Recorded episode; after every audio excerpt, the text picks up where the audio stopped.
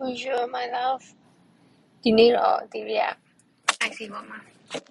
IC ပေါ်မှာသွားနေတယ်ဒီရပိုင်းကကွာအိမ်ကအမျိုးတွေရောက်နေတော့ဆွေမျိုးရောက်နေတော့စိတ်ကမ်းပြရပိုင်းနေဆိုတော့အလုံးနေနေရှော့ပြီးတော့ဒီ podcast ဖမ်းဖို့ကိုချိန်မရှိဘူးဖြစ်နေရပါတော့ချိန်ပြူဆိုတော့အိမ်ကပြန်ရပြီဆိုလို့ရှိရင်လည်းဟိုအလုပ်တွေနေဆိုတော့ငိမ့်ငိမ့်လေးထိုင်ဖမ်းဖို့ကတိုက်စီစီနေအချိန်တစ်ချိန်မရှိဆိုတော့မှမရိုးတဲ့အတိုင်းနေကြားနေရလိမ့်မယ်တိုက်စီဦးလေးက Google Map ဖွင့်ထားလို့ Okay ဒီနေ့တော့တီဗီကဘယ်အကြောင်းလေးကိုပြောချင်လဲဆိုလို့ရှိရင်တီဗီကိုတော့ဘယ်လိုခံစားနေရလဲဆိုရင် I'm always feeling useless ပါ useless ဆိုဘယ်လိုလဲဆိုတော့တီဗီအလုပ်တွေလုပ်နေရတယ်လုပ်ဆိုင်ရှာရလုပ်နေရအလုပ်တွေလုပ်နေတယ်အဲ့ဒါတွေက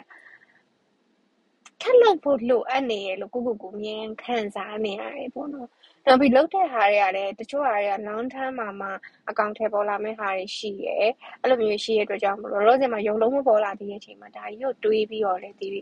စိတ်ထဲမှာငါတော့မကြဘူးပေါ့ငါတစ်ချက်မကပိုပိုလုံနိုင်တယ်ပေါ့ပိုလုံနိုင်ရမယ်ဘာဖြစ်လို့ငါမလုံနိုင်သေးတာလဲပေါ့အဲ့လိုမျိုးစိတ်တွေတီးလို့ဝင်နေရပေါ့နော်ဒီဒီ ဒီရက်ပိုင်းမှာပေါ့နောက်တစ်ခုကကျတော့အားလုံးလည်းဒါဒီခန်းကပြပြပါတယ်ဒီရက်မိသားစုနဲ့ပတ်သက်လို့ရှိရင်အရန်ရန်ကုန်မှာကိုကိုကို pressure ပေးတတ်တဲ့လူတွေမှာပါတယ်ကွာဘယ်လောက်ထိတောင်ကိုကို pressure ပေးတယ်ဆိုအဲ့လိုမိဘကဒီလောက်ကိုဘယ်လိုပြောမလဲနားလဲပေးနိုင်ရင်တော့မှကိုကတစ်ချိန်လုံးမိဘကိုငါပိုမလုပ်ပေးနိုင်သေးဘူးမိဘကငါတစ်ထက်မကလုပ်ပေးနိုင်ရမယ်အဲ့လိုမျိုးအရန်နေတွေးပြီးတော့ဒီပြအဲ့လိုဟိုကိုကိုကိုပြန်ပြီးတော့ guilt trip တွေလုပ်တဲ့နေရာမှာပါတယ်ကွာ ဒီတော့ကိုကိုပြန်ပြီးတော့ပြစ်တွေပေးကိုကိုကိုပြန်ပြီးတော့အလိုဟာနေတော့မကြဘူးဒီကိစ္စကနေတော့မကြလို့ဖြစ်တာတကယ်တော့လည်းတချို့ဟာတွေကဟိုကိုကလှုပ်ပေးတာကသူများမြင်မှာဆိုလို့ရှိရင်တီးလှုပ်ပေးထားတာဒီတက်မကပိုနေတဲ့ပြင်မှာဟိုဘယ်လိုရမလဲကိုကိုကတော့မှ sacrifice လုပ်ပြီးတော့မှလုပ်ထားတဲ့ကိစ္စတွေရှိရကွာဒါပေမဲ့မဟုတ်ဘူးတီးရကြအဲ့ဒါအမြင်တီးစိတ်တယ်မှာမဟုတ်ဘူးငါဒီတက်မကလုပ်ပေးနိုင်ရင်ဒါနဲ့ကိစ္စတစ်ခုအဆင်မပြေဖြစ်ပြီးဆိုတာနဲ့ငါတော့မကြလို့ဖြစ်တာဆိုတဲ့အတွေးရအမြင်ကောင်းတဲ့ဝင်အဲ့တော့ ဘာဖြစ်လဲဆိုပထမဆုံးချက်အနေနဲ့ဒီလိုကိုကိုအမြဲတမ်းအဖြစ်ရှိတယ်လို့ခံစားနေရတဲ့အတွက်ကြောင့်မို့လို့အမြဲတမ်းစိတ်ညစ်နေရတယ်ခုနပြောသလိုပေါ့နော်အိမ်မှာကိစ္စတစ်ခုဖြစ်သွားတယ်မိသားစုနဲ့ပတ်သက်လို့ကိစ္စတစ်ခုဖြစ်သွားတယ်ဒါပေမဲ့ကိုလုံးတာလည်းမဟုတ်ဘူးကိုကလည်းကိုလုံးနိုင်တဲ့လောက်တိုင်းတာတခုလည်းကိုလုံးပေးပြီးပြီးဒါပေမဲ့အဲ့ကိစ္စကအဆင်မပြေသွားဘူးဆိုရင် theory တော့ပထမဆုံးလုပ်တဲ့လောက်ကကြာကိုကိုဖြစ်တယ်နင်သုံးကြလို့နင်ဒီမကလုံးနိုင်ရင်တည့်ရက်တာနင်မလုံးလိုက်လို့ဆိုတာအဲ့ဒါကြီးကိုကိုကိုပြစ်တင်လိုက်တဲ့အချိန်မှာပိုပြီးစိတ်ဆင်းရဲသွားတယ် နောက်ပြီးပိုပြီးတော့စိတ်ညစ်ရတယ် stress တွေပိုများတယ်ပေါ့နော်ဆိုတော့အဲ့ဒါကိုတီးလို့ short ပြဖို့လိုတယ်အတွေးကိုပြောင်းပြဖို့လိုတယ်တီးဆိုအမြဲတမ်းပြောတယ်တီးတခုခုဆိုရင်အတွေးကိုချက်ချင်းပြောင်းပြပါအတွေးဒါပေမဲ့အဲ့ဒါကြီးကလည်းအမှန်တမ်းပြောလို့ရှိရင်တီးလည်းဘုဒ္ဓသင်လူသားပဲပေါ့နော်ဆယ်ကမှတစ်ခါလောက်တော့အတွေးကိုမပြောင်းနိုင်တဲ့ခါရှိရပေါ့အဲ့လိုချိန်မျိုးမှာတော့ခံစားရတာပေါ့လေပို့ပြီးတော့ခံစားရတာပေါ့အခုဆိုအမေတို့ ਨੇ ဒါခွဲနေရတဲ့ချိန်မျိုးဆိုပို့ဆိုတဲ့ အာအမှန်တမ်းပြောရင်လေဒီဒီလောက်ထိတောင်မှကိုကိုကိုကိုကိုကိုကိုအိမ်ရန်လူတွေကိုပေါ့ဟိုအဆင်ပြေလိမ့်မယ်အဆင်ပြေလိမ့်မယ်ဆိုတာဟိုအဆင်မပြေကိစ္စလေးတော့ရှိရပါတော့ဒါပေမဲ့ဟိုခွဲနေနိုင်ခဲ့မယ်လို့ဒီမထင်ထားခဲ့မိပါဆိုအသက်ကလည်းတော့လောက်ရှိနေအချိန်ညမှာမိဘနဲ့ခွဲနေရတဲ့အပြင်ကိုမိဘကလည်းအသက်ကြီးလာလို့ကိုယ်က rely လုပ်နေရတဲ့အချိန်မှာမှကိုကခွဲနေရသလိုဖြစ်သွားတဲ့အတွက်ကြောင့်မလို့ဟိုပေါ့နော်ဒါပေမဲ့အဲ့လိုခွဲနေလိုက်တော့အချင်းအပြင်ပထမဆုံးတစ်ချက်ကဘာဖြစ်လဲတီး ကိုကိုကို အများကြီး ကိုအကြောင်းကို focus လုပ်ဖို့အချိန်ရတယ် ဒါ ပထမတစ်ချက် နောက်တစ်ခုကကျတော့တီးလို့ မိဘတွေကတခါလေကြားလို့ရှိရင် သူတို့လုံနိုင်တယ် သူတို့ လုံးလုံးလုံးခဲ့တဲ့ကိစ္စတော်တော်များများဒါပေမဲ့ သားသမီးပေါ်မှာ rely စလုပ်လာတဲ့အချိန်ကျတော့ သူတို့သူတို့ကိုသူတို့ မလုံနိုင်ဘူးဆိုတော့ confident ကအဲမလုံနိုင်တော့ဘူးဆိုဖြစ်သွားတာပေါ့နော် သူတို့ရဲ့ confident တွေရောကျလာတယ် ခုချိန်မှာအသေးလေးနားမှမရှိတော့တဲ့အခါမှာသူတို့လုပ်ခဲ့တဲ့လုပ်တွေကို သူတို့ ဟိုသူတို့လုံးနိုင်တဲ့ပမာဏလေးပေါ့နော်အဲ့ဒါလေးတွေသူတို့ပြန်လုပ်တဲ့အချိန်မှာတိတိထားမိရသူတို့ confidence ပို့ပြီးတော့တက်လာတယ်နောက်တစ်ခါသူတို့အလုပ်တစ်ခုရှိရလို့သူတို့ကသူတို့ပြန်ပြီးတော့ခံစားလာတဲ့အတွက်ကြောင့်မလို့သူတို့ပို့ပြီးတော့လည်းပျော်လာတယ်လို့သူတို့ရဲ့အနေအထားကိုဒီခံမှန်းလို့ရတယ်ပေါ့နော်ဆိုတော့ဒါကလည်းဒါအကောင်းချင်းတစ်ခုပဲပေါ့ဆိုတော့အဆင်ပြေတဲ့ဟာတွေဆိုလို့ရှိရင်လည်းဟိုသူတို့ ဟိုတိုင်တိုင်မေမေအရင်တော့ဆိုကွာစကားတွေအများကြီးအတူတူနေတော့ဆိုတိတ်မပြောပြဘူးလောက်ကိစ္စတချို့ကိစ္စတော်တော်များများဆိုဟိုတီးရကြတော့လေကိစ္စတော်တော်များများဟိုသူ့မှာသူတို့ကိုစိတ်ဆင်းရဲမှာဆိုလို့ဖွင့်မပြောဘဲနဲ့ကိုယ့်ဘက်သားကိုဖြည့်ရှင်းပေးလိုက်တာများတယ်ကွာအော်ငါပဲစိတ်ဒုက္ခခံမယ်ငါမိဘကိုစိတ်ဒုက္ခရအောင်မလုပ်ဘူးဆိုတော့အတွေးနဲ့ပေါ့နော်အခုလည်းစိတ်ဒုက္ခရအောင်လုပ်နေရတာမဟုတ်ဘူးဒါပေမဲ့အချို့ကိစ္စတွေမှာသူတို့အော်ငါတို့ဖြည့်ရှင်းနိုင်ပါလားငါတို့ဖြည့်ရှင်းတတ်ပါလားသူမရှိလဲငါလုပ်တတ်ပါလားဆိုတော့ဟို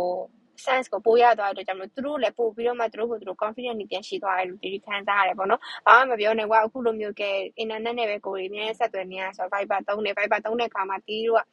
ဈေးရောက်တော့အဖေရေးဘယ်ပစ္စည်းရဲ့ဘယ်ပုံရိုက်ပြပါဆိုအရင်တော့ဆို Viber ဆိုကင်မရာရိုက်ရမှန်းလည်းမသိဘူး။ဒါဟိုဟိုဓာတ်ပုံပိုးကမှန်းလည်းမသိဘူးခုဆိုဒါတွေအများကြီးသူတို့သုံးတက်လာတယ်လှုပ်တက်လာတယ်ဗီဒီယိုကောတွေဖွင့်တက်လာတယ်ဒါမျိုးတွေပေါ့နော်ဒါတွေကလည်းဘာပဲပြောပြောဒါ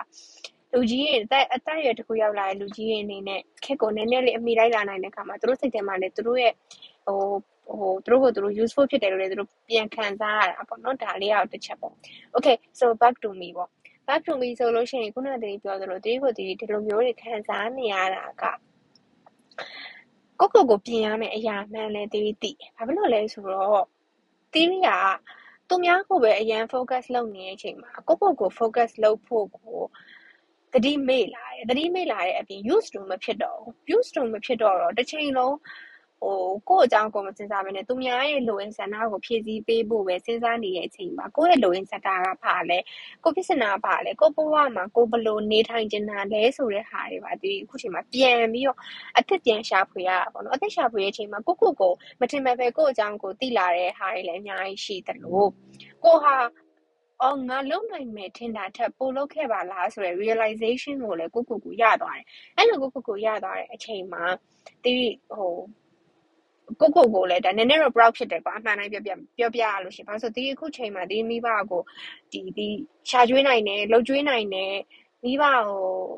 ဟိုဘယ်လိုလဲစိတ်ဆင်းရဲအောင်ဒီမလုပ်ဘူးဒါတွေနဲ့ပေါ့နော်အဲ့လိုမှပဲတစ်ဖက်တစ်ဖက်မှာလည်းနောက်ထပ်စိတ်ကတစ်ဖက်ချမ်းမှာလည်းစိတ်ဆိုတာအမြဲဟိုဘက်တစ်ဖက်ရှိနေတာပေါ့နော်အဲ့တော့စိတ်ကတစ်ဖက်ချမ်းမှာလည်းအဲ့လိုခုနပြောသလိုမိဘတခုခုဆင်မပြေတဲ့ကိစ္စတည်တည်လေးတွေ့လို့ရှိရင်ပထမဆုံးပြစ်တင်မိတာကိုကိုကိုပဲကိုမိဘမဟုတ်ပါဘူးဒီလေတိပိနာလူတယောက်ယောက်တိချက်တဲ့လူတွေရောက်တိဘဝရဲ့လူတွေရောက်အဆင်မပြေရတွေ့လို့ရှိရင်တိရဲ့ပထမဆုံး response က နေမလုပ်ပေးလို့နင်တော့မကြလို့ဆိုတော့အဲ့စိတ်ကိုတီးရှော့အောင်ပေါ့အဲ့လိုမဟုတ်လို့ရှင်တီးကအမြဲတမ်းဒီလိုမျိုး useless ဖြစ်တယ်ဆိုတဲ့ခံစားချက်ကြီးကိုတီးခံစားနေရမှာလေနော်အဲ့တော့အဆင်မပြေဘူးရှေ့ကဘလို့ရှေ့ဆက်ဟိုဘလို့မှတီးတိုးနိုင်မှာမဟုတ်ဘူးဘဝမှာရှေ့ဆက်လို့ရမှာမဟုတ်ဘာလို့တီးကအမြဲတမ်းပဲဒီလိုခံစားချက်ကြီးခံစားနေရတယ်ဆိုလို့ရှင်စိတ်ဆိုတဲ့အရာကလည်းထူးဆန်းတာကတီးတို့အမြဲတမ်းနှစ်ဖက်ရှိတယ်ဒါတီးစဉ်းစားမိတော့ပေါ့နော်ဒါနားထောင်နေတဲ့သူတွေထဲမှာလည်းစဉ်းစားမိတဲ့သူတွေရှိမှာဘာလဲဆိုတော့ ပျော်နေရင်တော့မှတစ်ဖက်ကဝမ်းနေနေရမှာအခုလိုချိန်နေမျိုးဆိုပိုးဆိုးတယ်ကိုယ်နိုင်ငံမှာအဆင်မပြေဖြစ်နေတယ်ကိုယ်နိုင်ငံကြီးကဒီလိုလောက်တွင်းနေကြနေချီးတွင်းနေကြနေတဲ့အချိန်တွေမှာတခါတလေဘာမဟုတ်တဲ့အစားကောင်းတောက်ကောင်းလေးစားလိုက်မိရင်တော့မှတီး guilty ဖြစ်တယ်ဒါအမှန်တိုင်းပြောအဲ့လိုအချိန်မျိုးမှာတီးတော့အခုနောက်ပိုင်းပေါ့နော်ဒီခုဖြစ်ပြီးနောက်ပိုင်းမှာဒီခဏခဏပြောပါတယ်ပျော်ရွှင်မှုဆိုတဲ့အရာက အရန်ကိုတံမိုးကြီးသွားတယ်တံမိုးကြီးသွားတယ်လည်းဖြစ်တယ်လို့စစ်မှန်တဲ့ပျော်ရွှင်မှုဆိုတာလည်းမရှိတော့ဟိုကိုယ်စိတ်ကိုအနာပေးဖို့ကိုယ်စိတ်ကိုစိတ်လှဲ့ဖို့ဟိုပျော်စရာကိစ္စပျော်စရာကောင်းမဲ့ထင်တဲ့ကိစ္စတစ်ခုကိုလှုပ်လိုက်ပေးမယ်ပြီးတယ်ပြီးတော့ချက်ချင်းပြန်ပြီးတော့ဟိုဝမ်းနေတဲ့ stage ကိုပြန်ရောက်သွားတယ်ချက်ချင်းပြန်ပြီး guilty ဖြစ်တဲ့ stage ကိုပြန်ရောက်သွားတယ်ဒါရီကတီးတို့အကုန်လုံးခံစားနေရတယ်လို့တီးထင်ပါတယ် ဟိုသဘောတရားတစ်ခုကဟိုအရင်ဟိုပျော်ရွှင်စရာကောင်းတဲ့ကလပ်ကြီးတစ်ခုမှာပျော်ရွှင်စရာကောင်းတဲ့ဒီဘယ်လိုပြောမလဲနေရာကြီးတစ်ခုထားပါတော့ကလပ်တော့မဟုတ်ဘူးဒီလိုပျော်ရွှင်စရာကောင်းတဲ့နေရာကြီးတစ်ခုရောက်နေတယ်ကိုကဟီဟာဟီဟာအရန်ပျော်လိုက်တယ်ပြီးတယ်ပြီးတော့အချိန်လေးတစ်ချိန်ဖြစ်ဘူးလားမိနစ်ပိုင်းလေးပဲမိနစ်ပိုင်းလေးပဲ maybe 1 or 2 minute ပါမယ်ငြိမ်ကြသွားအဲ့ငြိမ်ကြသွားတဲ့အချိန်မှာ ဘေးနားမှာ music တွေပဲရှိနေ မီးရောင်တွေပဲရှိနေဖြစ်စေ လူတွေပဲရှိနေဖြစ်စေ အကုန်လုံးကြားထဲမှာ ကိုတယောက်တည်း ကွက်ပြီးတော့ ငြိမ်ကြသွားပြီးတော့ လေဟာပြေးနဲ့ရောက်သွားတယ်လို့ခံစားချက်ပြီးအဲ့လိုခံစားချက်မျိုး ခံစားချက် ဖြစ်ဘူးကြတာအတီးဆို ခဏခဏ ဖြစ်ပြီးတယ် အဲ့ဒါဟိုအဲ့ဒါ ဘာလဲဆိုတီးတို့ပျော်ရွှင်တဲ့စစ်မှန်ခြင်းတီးတို့မှမရှိဘူးပေါ့နော် မရှိတဲ့အတွက်ကြောင့်မလို့ အဲ့လို stage ကိုတီးတို့က ရောက်ရောက်သွားရလို့တီးရတော့ မြင်တယ် အဲ့တော့ အဲ့လိုဖြစ်မျိုးတီးခဏခဏ ဖြစ်တယ် ဒီခဏလေးငြိမ်ငြိမ်တော့ငြိမ်ကြသွားငြိမ်ကြသွားပြီးတော့ဒီဘာစဉ်းစားနေရလဲဆိုတော့လေဘာမှစဉ်းစားနေမှာမဟုတ်ဒါပေမဲ့အဲ့ဒီအချိန်မှာလူကအဲ့လိုလေယာဉ်နေတစ်ခုတည်းပါဗလာချင်းနေလေယာဉ်နေတစ်ခုတည်းမှာဖုတ်ကနေရောက်သွားတယ်လို့ပဲအဲ့လိုမျိုးပေါ့နော်ဆိုတော့ဒီစစ်မှန်တဲ့ပြောရှင်းမှုကိုဘယ်လိုလုပ်ရမှာလဲဆိုတော့တီးကိုတီးလည်းမသိဘူးမသိဘူးဆိုတာအာโอเคတီးစဉ်းစားကြည့်ဒီဘက်မှာ purely purely happiness ပေါ့နော် ဆိုလို့ရှိရင်အားလဲဆိုတီးရဲ့ခွေးလေးနဲ့တီးဖတ်ထားတဲ့အချိန်တို့သူနဲ့ဖတ်အိတ်နေတဲ့အချိန်တော့ it's a bliss ကွာအဲ့အချိန်မှာတော့တီးတီးစိတ်ထဲမှာ100%နီးပါမဟုတ်ရင်တော့မှ80%လောက် pureness ဒါ happiness ဖြစ်တယ်လို့ဒီခံစားရတယ်။ဘာလို့လဲဆိုတော့အဲ့အချိန်မှာကောင်းတော့မှမရှိဘူး။ဒီခွေးလေးရဲ့အထီဟိုခန္ဓာကိုယ်လေးကိုပွေးဖတ်ထားရတဲ့ခံစားချက် သူ့ရဲ့ဟိုအပြစ်ဒါတလိษံဆိုတာသူတို့ဆိုတာအပြစ်ကင်းစင်တဲ့တလိษံဘယ်လိုတတဝါလေးဆိုတော့သူတို့ခေါင်းထဲမှာအမမတွေးနေရတွေးနေမလားကိုလည်းမသိဘူးပေါ့နော်ပြောရရင်ပြောစင်တာသူတို့ရဲ့အချစ်ကိုခံစားနေရတဲ့အချိန်သူတို့နဲ့ကိုယ်နဲ့နှစ်ယောက်တည်းအတူတူဒီလိုလေးဟို moment လေးတစ်ခုပေါ့နော်အဲ့ဒီအချိန်ကတော့80% happiness ရှိရလို့ဒီထင်တယ်ဆိုတော့ တခြား happiness တွေကတော့ဘာရှိမျိုးမျိုးနဲ့ ရှိရပေါ့လေ ပျော်ရွှင်နေဆိုတဲ့ happiness တွေကတော့ ကိုယ့်အမေရဲ့ ကိစ္စတစ်ခုဟိုလိုချင်တဲ့ ပစ္စည်းတစ်ခု ဖြစ်မြောက်အောင် လုပ်ပေးနိုင်နိုင်တာ ဒီအချိန်မှာ ရရှိရဲ့ happiness ကိုယ့်ရဲ့ချစ်ရတဲ့လူနဲ့ ဘာမှမဟုတ်ဘဲနဲ့ဟိုစကားလေးတစ်ခုပြောပြီးတော့ အမှန်မထင် ရည်တိုင်းမိရဲ့ happiness မှန်တယ် ဒါရဲ့ happiness တွေကတော့ အများကြီးရှိရကွာအသေးဒီကိစ္စကဘယ်လိုပြောမလဲอืม little thing in life ပေါ့နော် little moments in life က big moment တွေထက် ပိုပြီးအရေးကြီးရယ် appreciate လုပ်တဲ့နေဆိုတာကိုတီးသိလာတယ်ပေါ့ဒီကြောင့်တော့ဒီ another separate podcast အနေနဲ့ဒီလုပ်မယ်လို့စိတ်ကူးထားတယ်ပေါ့နော် okay အဲ့တော့ခုနကဒီပြောသလိုဒီဇလန်မှာ always feeling useless ဆိုတဲ့ခံစားချက်ကြီးကိုဘယ်လိုပြအောင်လုပ်ရမလဲလို့မေးလို့ရှိရင်ဒီလေလောလောဆယ်မှာ I'm finding my way ပေါ့နော်တယောက်နဲ့တယောက်ကတော့ way ချင်းတူချင်းမှတူမှာ哦ဒါပေမဲ့ပထမဦးဆုံးအကုန်လုံးနဲ့ ဟိုလုံးလုံးလို့ရပြီးတော့ relate လုပ်လို့ရမယ်နီလန်းလေးတစ်ခုကတော့ဘာလဲဆိုအတွေးပြောင်းပြဖို့ပဲကိုကတော့မကြဘူးလို့ခံစားနေရလို့ရှိရင်ကိုကဘာဖြစ်လို့အဲ့လိုခံစားနေရတာလဲဆိုတော့ပထမဆုံးချက်ကိုတီးလို့လိုက်ရှာရမယ်နောက်ပြီးလို့ရှိရင်တီးလို့လုပ်ခဲ့တဲ့ achievement တွေကိုပြန်ပြီးတော့တွေးတော့ရမယ် ဥမာထားပါတော့ကိုကကိုခုနတီးပြောတီးနဲ့ပဲ example ပေးမယ်ပေါ့နော်ဆိုတီးပြောနေတဲ့ကိစ္စတခုမိဘနဲ့ပတ်သက်တဲ့ကိစ္စတခုမှာကိုကဒါမလုပ်ပေးနိုင်နိုင်ဘူးအဲ့တော့ကြောင့်မလို့ကိုဝမ်းနေရမယ်ဆိုလို့ရှိရင်ကိုလုပ်ပေးနိုင်တဲ့အရာတွေပြန်စဉ်းစားကြည့်နော်ဒီပြတော့အဲ့လိုမျိုးစဉ်းစားကြည့်လိုက်တယ်ပေါ့နော်ကိုလုပ်ပေးနိုင်တဲ့အရာအများကြီးမဟုတ်တစ်ခုဖြစ်ဖြစ်နှစ်ခုဖြစ်ဖြစ်ကြီးကြီးမားမားဖြစ်ဖို့လည်းမလိုမိဘကိုအိမ်ဝယ်ပေးရကားဝယ်ပေးရအဲ့လိုမျိုးကြီးကြီးမားမားဖြစ်ဖို့လည်းမလို very small thing ကွာဥမာကိုအမေကြိုက်တဲ့ကိုဖေစားခြင်းနဲ့ဟာမျိုးလေးတစ်ခု အိမ်ပြန်တဲ့အချိန်မှာ ဝယ်လာပေးလိုက်တယ်ဆိုရင်တော့မှ သူတို့ ဒါမမက်မမောစားနေကြတဲ့အချိန်လေးကလည်း ကိုယ့်အတွက် ဒါလှုပ်ပေးနိုင်ခြင်းတစ်ခုထဲမှာပါတယ်လေနော်အဲ့တော့အဲ့လိုအချိန်လေးကိုပြန်တွေးကြည့်လိုက်ရင်ဟောအခုတီးအဲ့လိုမျိုးအတွေးကိုပြောင်းတွေးရပေါ့နော်ခုနကပြောသလိုတီးတို့လည်းပုထုဇဉ်လူသားဖြစ်တဲ့အချိန်မှာသူများကိုဒီလိုလေးလုပ်ပါလို့ suggest လုပ်နေပေမဲ့တီးကိုယ်တိုင်မလုပ်နိုင်တဲ့အချိန်ခါတွေလည်းရှိရပါဆိုတီးလည်းလူသားတယောက်ကိုဒါပေမဲ့တက်နိုင်အောင်တော့အဲလုံနိုင်အောင်တော့ကိုကစူးစမ်းရတာပေါ့နော် နောက်တစ်ခုကကြတော့ဒါအားလုံးပဲ journaling လုပ်တယ်ဆိုတဲ့ process ကိုဒါ theory ဟို vlog တွေတစ်ခုအနေနဲ့လည်းသင်ဘူးတယ် theory ကိုယ်တိုင်လည်းဟိုတကယ်လည်းယုံယုံကြည်ကြည်လုပ်တယ်ပေါ့နော်ယုံယုံကြည်ကြည်လုပ်တယ်ဆိုတာဟို popping လုပ်တာမျိုးမဟုတ်ဘူးနော် journal လုပ်တယ်ဆိုတာအခုနောက်ပိုင်းမှာတချို့ကအရန်အဲ့လိုမျိုးအာ popping လုပ်တဲ့သဘောနဲ့လုပ်ကြတယ်ဒါပေမဲ့တကယ်လောက်ကြည့်ပါဟိုစာအုပ်လှလှပပတိလားဂျန်နလီလောက်တဲ့စာအုပ်လှလှပပတွေဘာတွေညာတွေစတစ်ကားတွေဘာတီးဆိုအဲ့ဒါဘာမှမဟုတ်ဘူး အဲ့လိုမျိုးရှိဖို့မလိုစာအုပ်လေးတစ်အုပ်ပဲလိုတယ်စာအုပ်လေးတစ်အုပ်နဲ့ဘောပန်လေးဘယ်လောက်စာအုပ်တစ်အုပ်နဲ့ဘောပန်တစ်ချောင်းနဲ့ရှိဖို့ပဲလိုအပ်တယ်ဟိုလေသူများရဲ့လုံးနေတယ်လို့မျိုးဟို session by session တွေခွဲပြီးတော့ဒီလိုမျိုးကြီးလုပ်ဖို့လည်းမလိုအပ်သေးဘူးပထမဆုံးစဖို့ဆိုလိုအပ်တာကဘာလဲဆိုစာစရေးဖို့ပဲဘာရေးဖို့လိုအပ်လဲဆိုလို့ရှိရင်ဒီဆိုလို့ရှိရင်အခုတစ်နေ့မှာဒီ grateful ဖြစ်တဲ့ဟာဒီ၃ခုပဲရေးရ သုံးခုပဲအရှိန်စားနဲ့အရှိန်လည်းမဟုတ်ဘူးဥပမာဒီနေ့ဆိုလို့ရှိရင်မနေ့ကဆိုလို့ရှိရင် theory grateful ဖြစ်တဲ့အရာကဘာလဲဆို theory ရဲ့ sister တွေအခု theory ရဲ့ညီမတွေဒီဒီဘန်ကောက်ကိုရောက်နေတယ်ဆိုတော့ theory ရဲ့ညီမတွေနဲ့ဒီချိန်ပေးဖြစ်တယ်ဆိုတဲ့အချိန်မှာ I'm grateful for them ကဘာလို့ဆို theory ဘဝမှာသူတို့ကအရင်ရေးကြီးရဲ့နေရာတစ်ခုကပါဝင်သလိုသူတို့နဲ့ theory ရဲ့ဆက်ဆံရေးရတယ်ဟိုအရန်ကိုကောင်းမွန်တဲ့အတွက်ကြောင့်မလို့ ကိစ္စတစ်ခုကိုဘာမဆိုသူတို့ဘူးမနေပြောပြလို့ရတယ်သူတို့ကလည်းဘာမဆိုကိုယ့်ဘူးမနေပြောပြတယ်အတိုင်းပဲနဲ့ဟီးဟားတွေလောက်ကြတယ်ရီမောကြတယ်ဆိုတော့သူတို့ရှိတာဒီပြီးတော့လုံးဝအောင်မှာ bliss ဘယ်လိုလဲ grateful ပေါ့နော်ဆိုတော့ကြောင့်မလို့ I'm grateful for them ဆိုတော့ဒီ my sister and နောက်ပြီးလို့ရှိရင်မနေ့ကဒီကဒီကောင်းရင်းနားမှာထားတဲ့ဖုန်းဘက်ထရီသွင်းတဲ့မီးပုတ်ကလေးပေါ့နော်အဲ့ဒီမီးပုတ်ကလေးကမကောင်းတော့ မကောင်းတော့ဒီရဲ့ဒီ boyfriend ကိုပြောလိုက်တယ်ငါ့ကိုအဲ့လိုနင်ပြင်သွားပြင်မီးပုတ်လေးတစ်ခုလောက်ဝယ်ထားပေးပါဆိုတဲ့အချိန်မှာ तू ကနေပြီးတော့မနေ့ကသူ grocery ထွက်ဝယ်တော့သူဒီရမီးပုတ်လေးဝယ်လာအဲ့အချိန်မှာသူမီးပုတ်ကိုဘာရောင်လေးဝယ်လာလဲဆိုတော့ပန်းရောင်လေးဝယ်လာဘာဖြစ်လို့လဲဆိုတော့ဒီ blog ရိုက်လို့ရှိရင် aesthetically pleasing ဖြစ်နေအောင်လို့တဲ့သူသူမနေရှာဝယ်လာတယ်ပေါ့နော်ဆိုတော့သူကအဲ့အချိန်မှာပြန်ရောက်တော့တတိယဘာပြောလဲဆိုတော့ အမီးကဝယ်လာတယ်တဲ့ဆိုတော့ okay ပေါ့ဆိုတော့ဒီအဲ့ချိန်ကြီးတတိမထားမထားမိသေးဘူးတခါလေကြာရင်နော် very small thing in life ကအဲ့တော့တတိမထားမိသေးပဲနဲ့ဒီအခန်းထဲဝင်သွားတဲ့အချိန်မှာမိဘကိုတွေ့လိုက်တယ်ဒီအချိန်မှာပန်းရောင်လေးအော်ပန်းရောင်လေးချစ်စရာလေးအဲ့လောက်ထိပဲဒီတွေ့ရအဲ့မှာပဲရက်သွားပန်းရောင်လေးချစ်စရာလေးအဲ့ထက်ပိုဒီမတွေ့ဘူးအဲ့ချိန်မှာဒီပြင်းထွက်လာတော့မေးရဲ့မိဘကိုတွေ့လာတွေ့ရပန်းရောင်လေးလို့ဒီပြအဲ့တိုင်းပဲပြောလိုက်တယ်ချစ်စရာလေးပေါ့နော်ဆိုတော့အင်းဟုတ်တယ်တဲ့ အဲ့ဆက်ပြောနေ तू तू तू ကနားထောင်နေတာ theory ရဲ့ reaction ကဘာဖြစ်မလဲဆိုတော့ဒီမိဘပန်းရောင်နဲ့ပတ်သက်ပြီး तू तू နားထောင်နေချိန်မှာ theory ကဒါပဲလေသူ့ရဲ့ reaction အောင်မိဘကပန်းရောင်လေးချစ်စရာလေးဒါပဲအဲ့ထက်လည်းကိုကအများကြီးမတွေးဘူးသူကကြောင့်အကိုကတဲ့စဉ်းစားတာတဲ့ပန်းရောင်လေးကိုတမင်သက်ရှာဝယ်လာတာတဲ့ တီးရီစီကစကားထွက်ထွက်မလာမှန်းသိတယ်ဘာဖြစ်လို့လဲဆိုတော့တဲ့အကိုစဉ်းစားတာအကိုတဲဓာတ်ပုံရိုက်ပြီးဗီဒီယိုရိုက်ပြီးဆိုလို့ရှိရင်မိဘပန်းရောင်လေးနဲ့ဆိုတဲ့အခန်းလေးကလှနေမယ်ပေါ့နော်အခန်းတိုင်းရနေရလဲဖြူလေးဆိုအပေါ်ပေါ်ပြီးတော့လှနေအောင်လို့ကိုဝယ်လာတာဆိုတဲ့အချိန်မှာတည်တီးရပြည့်စင်းနေကြအော်ဟုတ်တာပဲပေါ့နော်ဒီချိန်မှာသူဖြူလဲဝယ်လို့ရမယ်ကဲအမဲလဲဝယ်လို့ရမယ်ဒါပေမဲ့ ဟိုလာကျမလှနေမယ်ကွာသဘောတရားတစ်ခုอ่ะပေါ့နော်ဆိုတီးပြကြအလျောင်အဲ့လို